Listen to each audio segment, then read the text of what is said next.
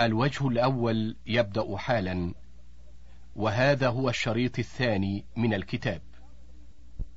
فصل يجوز الجمع بين الظهرين وبين العشاءين في وقت إحداهما في سفر قصر ولمريض يلحقه بتركه مشقة وبين العشاءين لمطر يبل الثياب ووحل وريح شديدة باردة ولو صلى في بيته أو في مسجد طريقه تحت ساباط والأفضل فعل الأرفق به من تأخير وتقديم فإن جمع في وقت الأولى اشترط نية الجمع عند إحرامها ولا يفرق بينهما إلا بمقدار إقامة ووضوء خفيف. ويبطل براتبة بينهما وأن يكون العذر موجودا عند افتتاحهما وسلام الأولى. وإن جمع في وقت الثانية اشترط نية الجمع في وقت الأولى إن لم يضق عن فعلها واستمرار العذر إلى دخول وقت الثانية. فصل. وصلاة الخوف صحت عن النبي صلى الله عليه وسلم بصفات كلها جائزة ويستحب أن يحمل معه في صلاتها من السلاح ما يدفع به عن نفسه ولا يثقله كسيف ونحوه. باب صلاة الجمعة. تلزم كل ذكر حر مكلف مسلم مستوطن ببناء اسمه واحد. ولو تفرق ليس بينه وبين المسجد أكثر من فرسخ ولا تجب على مسافر سفر قصر ولا عبد وامرأة ومن حضرها منهم أجزأته ولم تنعقد به ولم يصح أن يؤم فيه ومن سقطت عنه لعذر وجبت عليه وانعقدت به ومن صلى الظهر ممن عليه حضور الجمعة قبل صلاة الإمام لم تصح وتصح ممن لا تجب عليه والأفضل حتى يصلي الإمام ولا يجوز لمن تلزمه السفر في يومها بعد الزوال. فصل يشترط لصحتها شروط ليس منها إذن الإمام. أحدها الوقت وأوله أول وقت صلاة العيد وآخره آخر وقت صلاة الظهر. فإن خرج وقتها قبل التحريمة صلوا ظهرا وإلا فجمعة. الثاني حضور أربعين من أهل وجوبها. الثالث أن يكونوا بقرية مستوطنين. وتصح فيما قارب البنيان من الصحراء. فإن نقصوا قبل إتمامها استأنفوا ظهرا. ومن أدرك مع الإمام منها ركعة أتمها جمعة. وإن أدرك أقل من ذلك أتمها ظهرا إذا كان نوى الظهر ويشترط تقدم خطبتين ومن شرط صحتهما حمد الله والصلاة على رسوله محمد صلى الله عليه وسلم وقراءة آية والوصية بتقوى الله عز وجل وحضور العدد المشترط ولا يشترط لهما الطهارة ولا أن يتولاهما من يتولى الصلاة ومن سننهما أن يخطب على منبر أو موضع عال ويسلم على المأمومين إذا أقبل عليهم ثم يجلس إلى فراغ الأذان ويجلس بين الخطبتين ويخطب قائما ويعتمد على سيف أو قوس أو عصا ويقصد تلقاء وجهه ويقصر الخطبة. ويدعو للمسلمين. فصل والجمعة ركعتان. يسن أن يقرأ جهرا في الأولى بالجمعة وفي الثانية بالمنافقين وتحرم إقامتها في أكثر من موضع من البلد إلا لحاجة. فإن فعلوا فالصحيحة ما باشرها الإمام أو أذن فيها. فإن استويا في إذن أو عدمه فالثانية باطلة وإن وقعتا معا أو جهلت الأولى بطلتا وأقل السنة بعد الجمعة ركعتان وأكثرها ست ويسن أن يغتسل وتقدم ويتنظف ويتطيب ويلبس أحسن ثيابه ويبكر إليها ماشيا ويدنو من الإمام ويقرأ سورة الكهف في يومها ويكثر الدعاء ويكثر الصلاة على النبي صلى الله عليه وسلم ولا يتخطى رقاب الناس إلا أن يكون إماما أو إلى فرجة وحرم أن يقيم غيره فيجلس مكانه إلا من قدم صاحبا له في موضع يحفظه له وحرم رفع مصلى مفروش ما لم تحضر الصلاة ومن قام من موضعه لعارض لحقه ثم عاد إليه قريبا فهو أحق به ومن دخل والإمام يخطب لم يجلس حتى يصلي ركعتين يوجز فيهما ولا يجوز الكلام والإمام يخطب إلا له أو لمن يكلمه. ويجوز قبل الخطبة وبعدها. باب صلاة العيدين. وهي فرض كفاية. إذا تركها أهل بلد قاتلهم الإمام ووقتها كصلاة الضحى وآخره الزوال. فإن لم يعلم بالعيد إلا بعده صلوا من الغد. وتسن وتسن في صحراء وتقديم صلاة الأضحى وعكسه الفطر. وأكله قبلها وعكسه في الأضحى إن ضحى وتكره في الجامع بلا عذر ويسن تذكير مأموم إليها ماشيا بعد الصبح وتأخر إمام إلى وقت الصلاة على أحسن هيئة إلا المعتكف ففي ثياب اعتكافه. ومن شرطها استيطان وعدد الجمعة لا إذن الإمام. ويسن أن يرجع من طريق آخر ويصليها ركعتين قبل الخطبة ويكبر في الأولى بعد الإحرام والاستفتاح وقبل التعوذ والقراءة ستا وفي الثانية قبل القراءة خمسا يرفع يديه مع كل تكبيرة ويقول الله أكبر كبيرا والحمد لله كثيرا وسبحان الله بكرة وأصيلا. وصلى الله على محمد النبي وآله وسلم تسليما كثيرا. وإن أحب قال غير ذلك. ثم يقرأ جهرا في الأولى بعد الفاتحة بسبح وبالغاشية في الثانية. فإذا سلم خطب خطبتين كخطبتي الجمعة. يستفتح الأولى بتسع تكبيرات والثانية بسبع. يحثهم في الفطر على الصدقة ويبين لهم ما يخرجون ويرغبهم في الأضحى في الأضحية ويبين لهم حكمها. والتكبيرات الزوائد والذكر بينها والخطبتان سنة. ويكره التنفل قبل الصلاة وبعدها في موضعها. ويسن لمن فاتته أو بعضها قضاؤها على صفتها. ويسن التكبير المطلق في ليلتي العيدين وفي فطر آكد وفي كل عشر ذي الحجة والمقيد عقب كل فريضة في جماعة من صلاة فجر يوم عرفة وللمحرم من صلاة الظهر يوم النحر إلى عصر آخر أيام التشريق وإن نسيه قضاه ما لم يحدث أو يخرج من المسجد ولا يسن عقب صلاة عيد وصفته شفعا. الله أكبر الله أكبر. لا إله إلا الله والله أكبر. الله أكبر ولله الحمد. باب صلاة الكسوف. تسن جماعة وفرادا إذا كسف أحد النيرين ركعتين.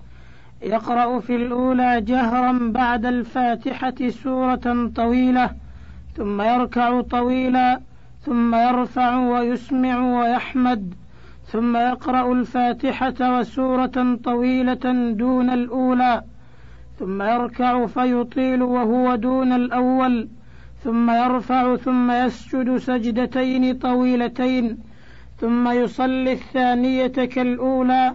لكن دونها في كل ما يفعل ثم يتشهد ويسلم فإن تجلى الكسوف فيها أتمها خفيفة وإن غابت الشمس كاسفة أو طلعت والقمر خاسف أو كانت آية غير الزلزلة لم يصلي وإن أتى في ركعة بثلاث ركوعات أو أربع أو خمس جاز.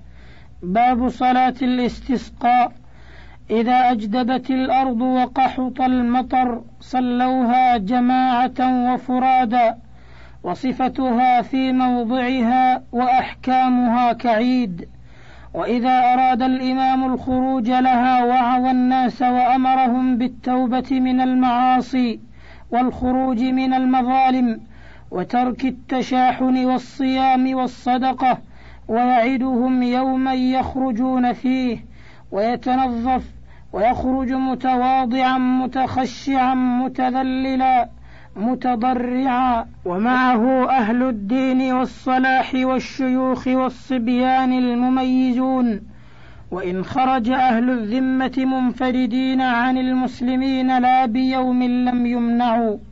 فيصلي بهم ثم يخطب واحدة يفتتحها بالتكبير كخطبة العيد ويكثر فيها الاستغفار وقراءة الآيات التي فيها الأمر به ويرفع يديه فيدعو بدعاء النبي صلى الله عليه وسلم ومنه اللهم أسقنا غيثا إلى آخره وإن سقوا قبل خروجهم شكروا الله وسألوه المزيد من فضله وينادى الصلاة جامعة وليس من شرطها إذن الإمام ويسن أن يقف في أول المطر وإخراج رحله وثيابه ليصيبهما المطر وإذا زادت المياه وخيف منها سن أن يقول اللهم حوالينا ولا علينا اللهم على الضراب والآكام وبطون الأودية ومنابت الشجر.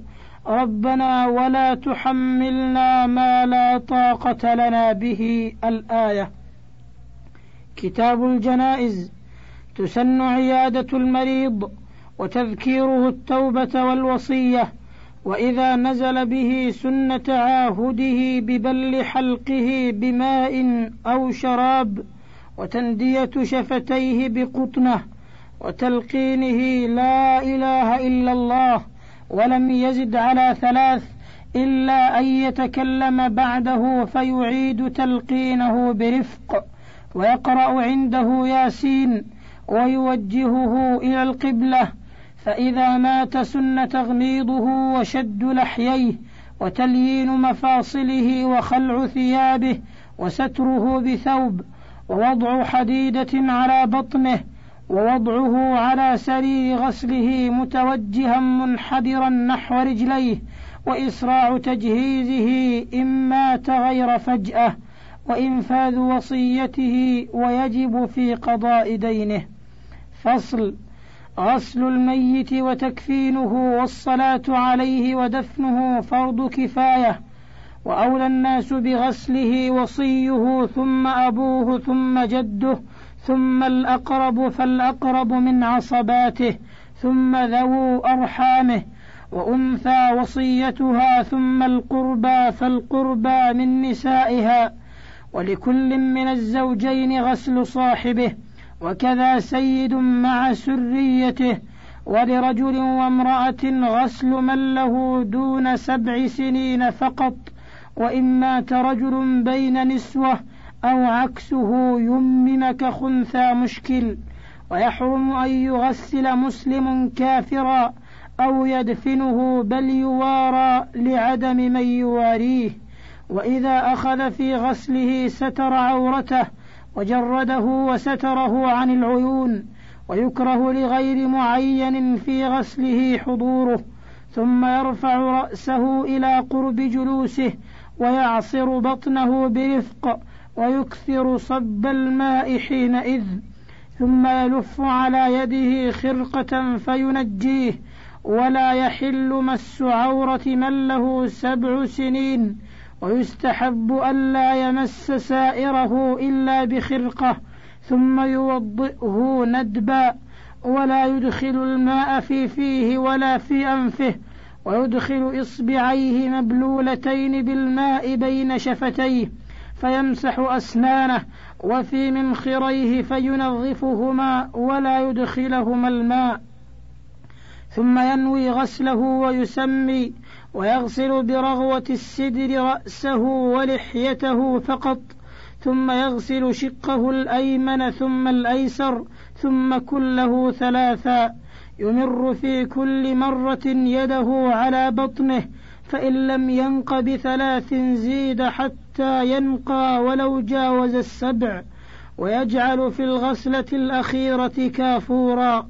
والماء الحار والأشنان والخلال يستعمل إذا احتيج إليه. ويقص شاربه ويقلم أظافره ولا يسرح شعره. ثم ينشف بثوب ويظفر شعرها ثلاثة قرون ويسدل وراءها. وإن خرج منه شيء بعد سبع حشي بقطن فإن لم يستمسك فبطين حر ثم يغسل المحل ويوضأ. وإن خرج بعد تكفينه لم يعد الغسل. ومحرم ميت كحي يغسل بماء وسدر. ولا يقرب طيبا ولا يلبس ذكر مخيطا ولا يغطى رأسه ولا وجه أنثى ولا يغسل شهيد ومقتول ظلما إلا أن يكون جنبا ويدفن في ثيابه بعد نزع السلاح والجلود عنه وإن سلبها كفن بغيرها ولا يصلى عليه وإن سقط عن دابته أو وجد ميتا ولا أثر به أو حمل فأكل أو طال بقاؤه عرفا غسل وصلي عليه. والسقط إذا بلغ أربعة أشهر غسل وصلي عليه.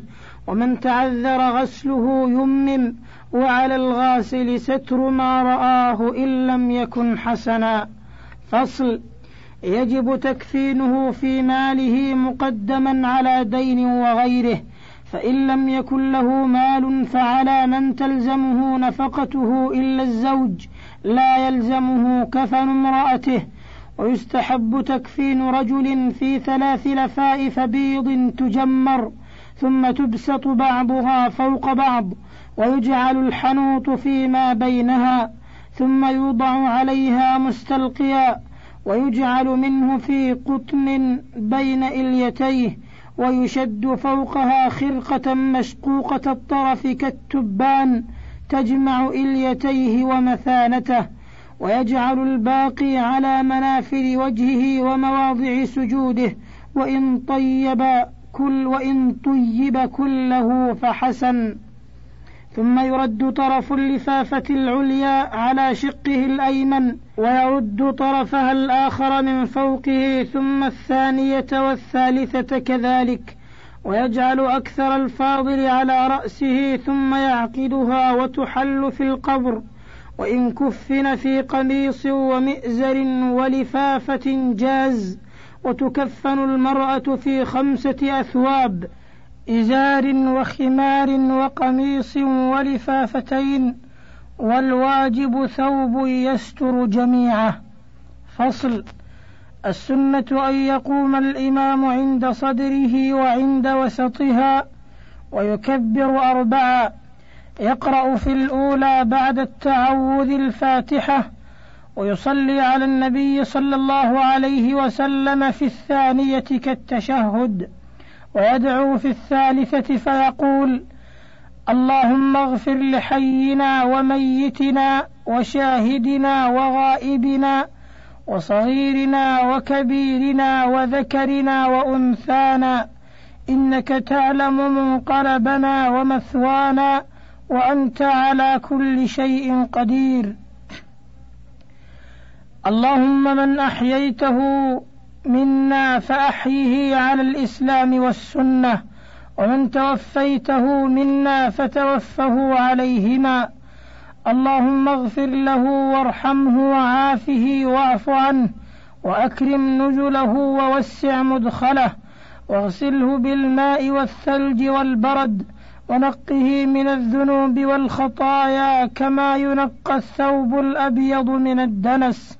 وأبدله دارا خيرا من داره وزوجا خيرا من زوجه وأدخله الجنة وأعذه من عذاب القبر وعذاب النار وأفسح له في قبره ونور له فيه. وإن كان صغيرا قال اللهم اجعله ذخرا لوالديه وفرطا وأجرا وشفيعا مجابا. اللهم ثقل به موازينهما وأعظم به أجورهما وألحقه بصالح سلف المؤمنين واجعله في كفالة إبراهيم وقه برحمتك عذاب الجحيم. ويقف بعد الرابعة قليلا ويسلم واحدة عن يمينه ويرفع يديه مع كل تكبيره وواجبها قيام وتكبيرات أربع والفاتحة والصلاة على النبي صلى الله عليه وسلم ودعوة للميت والسلام. ومن فاته شيء من التكبير قضاه على صفته ومن فاتته الصلاة عليه صلى على القبر وعلى غائب بالنية إلى شهر. ولا يصلي الإمام على الغال ولا على قاتل نفسه ولا بأس بالصلاة عليه في المسجد. فصل يسن التربيع في حمله ويباح بين العمودين ويسن الإسراع بها وكون المشاة أمامها والركبان خلفها ويكره جلوس تابعها حتى توضع ويسجى قبر امرأة فقط واللحد أفضل من الشق ويقول مدخله بسم الله وعلى ملة رسول الله ويضعه في لحده على شقه الأيمن مستقبل القبلة ويرفع القبر عن الأرض قدر شبر مسنما ويكره تجصيصه والبناء والكتابة والجلوس والوطء عليه والاتكاء إليه. ويحرم فيه دفن اثنين فأكثر إلا لضرورة. ويجعل بين كل اثنين حاجز من تراب. ولا تكره القراءة على القبر. وأي قربة فعلها وجعل ثوابها لميت مسلم أو حي نفعه ذلك. وسن أن يصلح لأهل الميت طعام يبعث به إليهم ويكره لهم فعله للناس. فصل. تسن زيارة القبور إلا لنساء وأن يقول إذا زارها أو مر بها السلام عليكم دار قوم مؤمنين وإنا إن شاء الله بكم لاحقون. يرحم الله المستقدمين منكم والمستأخرين. نسأل الله لنا ولكم العافية. اللهم لا تحرمنا أجرهم ولا تفتنا بعدهم. واغفر لنا ولهم وتسن تعزية المصاب بالميت ويجوز البكاء على الميت ويحرم الندب والنياحه وشق الثوب ولطم الخد ونحوه. كتاب الزكاة تجب بشروط خمسة حرية وإسلام وملك نصاب واستقراره ومضي الحول في غير المعشر. إلا نتاج السائمة وربح التجارة ولو لم يبلغ نصابا فإن حولهما حول أصلهما إن كان نصابا وإلا فمن كماله ومن كان له دين أو حق من صداق وغيره على مليء أو غيره أدى زكاته إذا قبضه لما مضى. ولا زكاة في مال من عليه دين ينقص النصاب ولو كان المال ظاهرا. وكفارة كدين وإن ملك نصابا صغارا انعقد حوله حين ملكه وإن نقص النصاب في بعض الحول أو باعه أو أبدله بغير جنسه لا فرارا من الزكاة انقطع الحول. وإن أبدله بجنسه بنى على حوله وتجب الزكاة في عين المال ولها تعلق بالذمة ولا يعتبر في وجوبها إمكان الأداء ولا بقاء المال والزكاة كالدين في التركة. باب زكاة بهيمة الأنعام. تجب في إبل وبقر وغنم إذا كانت سائمة الحول أو أكثره. فيجب في خمس وعشرين من الإبل بنت مخاض وفيما دونها في كل خمس شاة وفي ست وثلاثين بنت لبون وفي ست وأربعين حقة وفي إحدى وستين جذعة وفي ست وسبعين بنت لبون وفي إحدى وتسعين حقتان فإذا زادت على مائة وعشرين واحدة فثلاث بنات لبون. ثم في كل أربعين بنت لبون وفي كل خمسين حقة. فصل.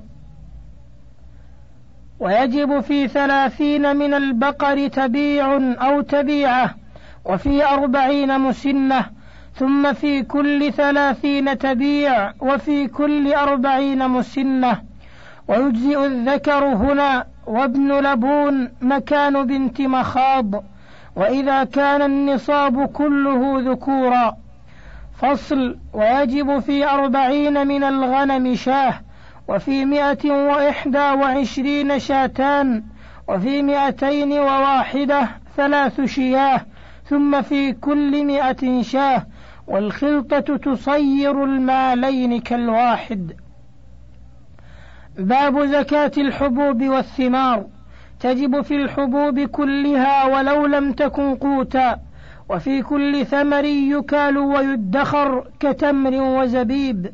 ويعتبر بلوغ نصاب قدره ألف وستمائة رطل عراقي. وتضم ثمرة العام الواحد بعضها إلى بعض في تكميل النصاب. لا جنس إلى آخر. ويعتبر أن يكون النصاب مملوكا له وقت وجوب الزكاة فلا تجب فيما يكسبه اللقاط أو يأخذه بحصاده ولا فيما يجتنيه من المباح كالبطن والزعبل وبزوقطون ولو نبت في أرضه.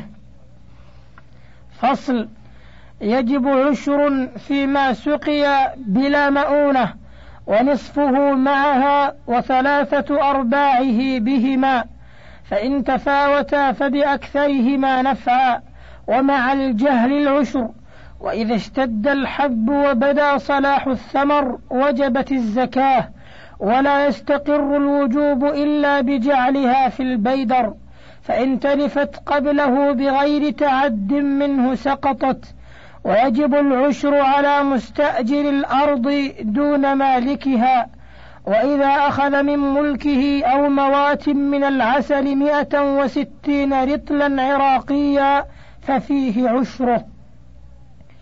والركاز ما وجد من دفن الجاهلية ففيه الخمس في قليله وكثيره. باب زكاة النقدين. يجب في الذهب إذا بلغ عشرين مثقالا وفي الفضة إذا بلغت مئتي درهم ربع العشر منهما. ويضم الذهب إلى الفضة في تكميل النصاب وتضم قيمة العروض إلى كل منهما. ويباح للذكر من الفضة الخاتم وقبيعة السيف وحلية المنطقة ونحوه ومن الذهب. قبيعة السيف وما دعت إليه ضرورة كأنف ونحوه. ويباح للنساء من الذهب والفضة ما جرت عادتهن بلبسه ولو كثر. ولا زكاة في حليهما المعد للاستعمال أو العارية. وإن أعد للكراء أو النفقة أو كان محرما ففيه الزكاة. باب زكاة العروض. إذا ملكها بفعله بنية التجارة وبلغت قيمتها نصابا زكى قيمتها. فإن ملكها بإرث أو بفعله بغير نية التجارة ثم نواها لم تصر لها. وتقوم عند الحول بالأحظ للفقراء من عين أو ورق ولا يعتبر ما اشتريت به. وإن اشترى عرضا بنصاب من أثمان أو عروض بنى على حوله وإن اشتراه بسائمة لم يبن. انتهى الوجه الأول.